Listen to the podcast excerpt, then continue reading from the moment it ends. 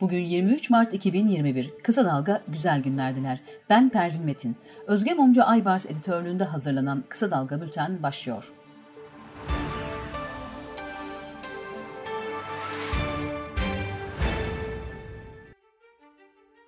Milletvekilliği düşürülen HDP'li Ömer Faruk Gergerlioğlu'na 2,5 yıl hapis cezası için teslim olması amacıyla Ankara'daki evinde tebligat yapıldı.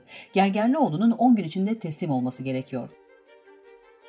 Gergerlioğlu ben adalet nöbetine devam ediyorum. Buradayım, Ankara'dayım. İnfaz edecekse edebilirler dedi.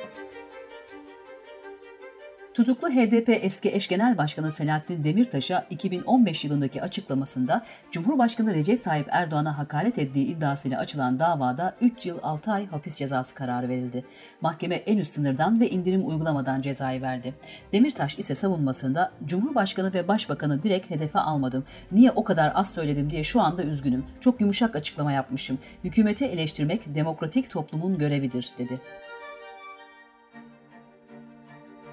Avrupa Konseyi Türkiye'nin İstanbul Sözleşmesi'nden çekilmesine ilişkin yaptığı açıklamada Türkiye'yi kadınları şiddetten korumaya yönelik uluslararası sistemi zayıflatmamaya çağırdı.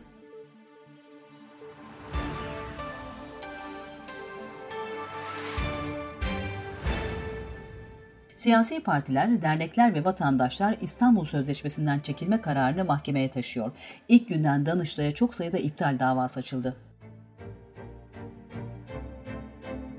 Türkiye'nin İstanbul Sözleşmesi'nden çekilmesinin ardından gelen uluslararası tepkilere İletişim Başkanlığı ve Dışişleri Bakanlığı'ndan yapılan açıklamalarla yanıt verildi. İletişim Başkanlığı sözleşmeyi eşcinselliği normalleştirmeye çalışanlar manipüle etti derken Dışişleri Bakanlığı İstanbul Sözleşmesi'nden çekilmenin kadına karşı şiddetle mücadeleden önün verme olarak yorumlanmaması gerektiğini ileri sürdü. Kadın Cinayetlerini Durduracağız platformu Cumhurbaşkanı imzasıyla İstanbul Sözleşmesi'nin feshedilmesine tepki amacıyla Taksim'de oturma eylemi yaptı. Uzun süre bölgeye abluka altına alan polisin müdahalesiyle oturma eylemi sona erdi.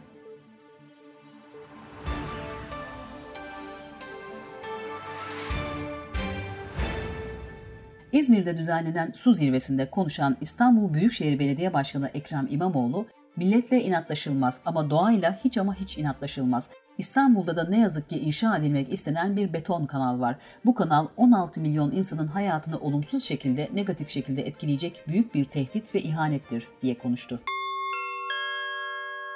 Ve sırada ekonomi haberleri var.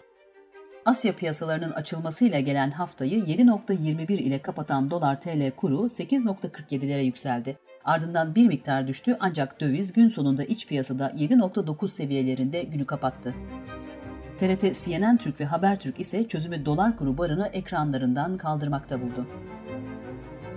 AKP Genel Başkan Yardımcısı Nurettin Canikli, Merkez Bankası Başkanı'nın değiştirilmesine ilişkin açıklamasında, hükümetin Merkez Bankası Başkanı'nı değiştirmesi piyasalara meydan okumak değildir, dedi. Fransız Bankası Societe Generale, Merkez Bankası Başkanı Naci Ağbal'ın görevinden alınmasının Türkiye'yi geri dönüşü olmayan bir noktaya getirdiğini belirterek dolar TL'nin ikinci çeyrek sonuna kadar 9.70'e yükseleceğini öngördü. TÜİK verilerine göre Türkiye'de işsizlik oranı 2020'de bir önceki yıla göre 0.5 puan azalarak %13.2 olarak gerçekleşti.